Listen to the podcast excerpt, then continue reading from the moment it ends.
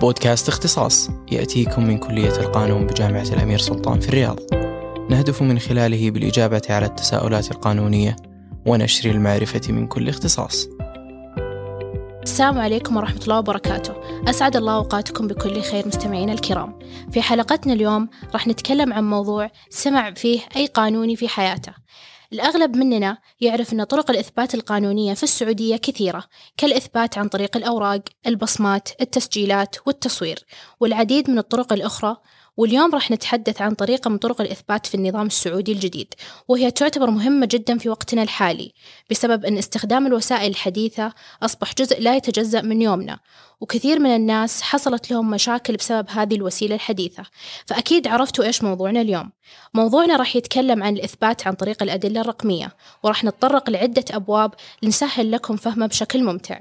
فكان التساؤل دائما هل الأدلة تعتبر حجة أم لا؟ بشكل مبسط. أتاني شخص تلفظ علي عن طريق الواتساب. هل أقدر أحتج به أم لا؟ النظام في المادة الرابعة والخمسين نص على أن الأدلة الرقمية تعتبر حجة. واللي أعطى الأدلة الرقمية القوة أن النظام نص على أن الأدلة الرقمية تعطى حكم الإثبات بالمحررات المكتوبة. وهذه قوة عالية أنك تخلي محادثة واتساب مثل عقد مكتوب. طبعا بصدور نظام الإثبات السعودي الجديد فقد أصبح الدليل الرقمي دليل من الأدلة الأساسية والأصيلة في عملية الإثبات للمسائل المدنية والتجارية. بل برضو دخل في المسائل الجنائية وذلك فيما لم يرد آه، طبعا في حكم خاص في نظام الإجراءات الجزائية. وهو ما يعد نوعية في عملية الإثبات وتطور هائل آه، من المنظم السعودي أنه ساير في مواكبة التكنولوجيا لهذا العصر. لذلك أردنا أن نلقي الضوء اليوم على التنظيم اللي وضع المنظم السعودي في قانون الإثبات الجديد بشأن الدليل الرقمي. وبناء عليه ستشكل الأدلة الرقمية ركيزة مهمة في إثبات الحق. والسؤال اللي يطرح نفسه كيف ستتعامل الأطراف المعنية مع الأدلة الرقمية لإثبات حقوقها؟ وإذ تحدثنا عن الخصوم فإن على المدعي أن يقدم أدلة رقمية تثبت حقه في الواقعة وهناك مواد مهمة في النظام لابد من معرفتها وهي أنواع الأدلة الرقمية وطريقة تقديمها والاستعانة بالخبراء.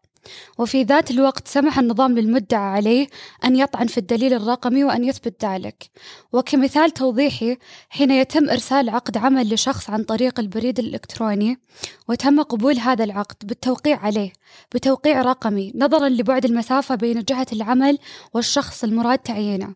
فحجية الدليل الرقمي هنا تعمل على ضمان حقوق الموظف بناء على بنود العقد وأيضا تلزمه بعمل المتفق عليه فيه فلا يلزم لإقامة دعوة هنا بسبب خلاف نشأ وجود محرر مكتوب بل يمكن الاستناد بنموذج العقد المرسل بالبريد الإلكتروني لإثبات ما يريده كل من الطرفين. هاي نحن قد وصلنا إلى ختام حلقتنا ونتمنى أننا وصلنا لكم المعلومات بشكل مبسط وممتع. كما يرجع الفضل لله ثم دكتورة إلهام صالح التي أتاحت لنا الفرصة لنترك بصمة تذكر لنا في نهاية مسيرتنا الجامعية.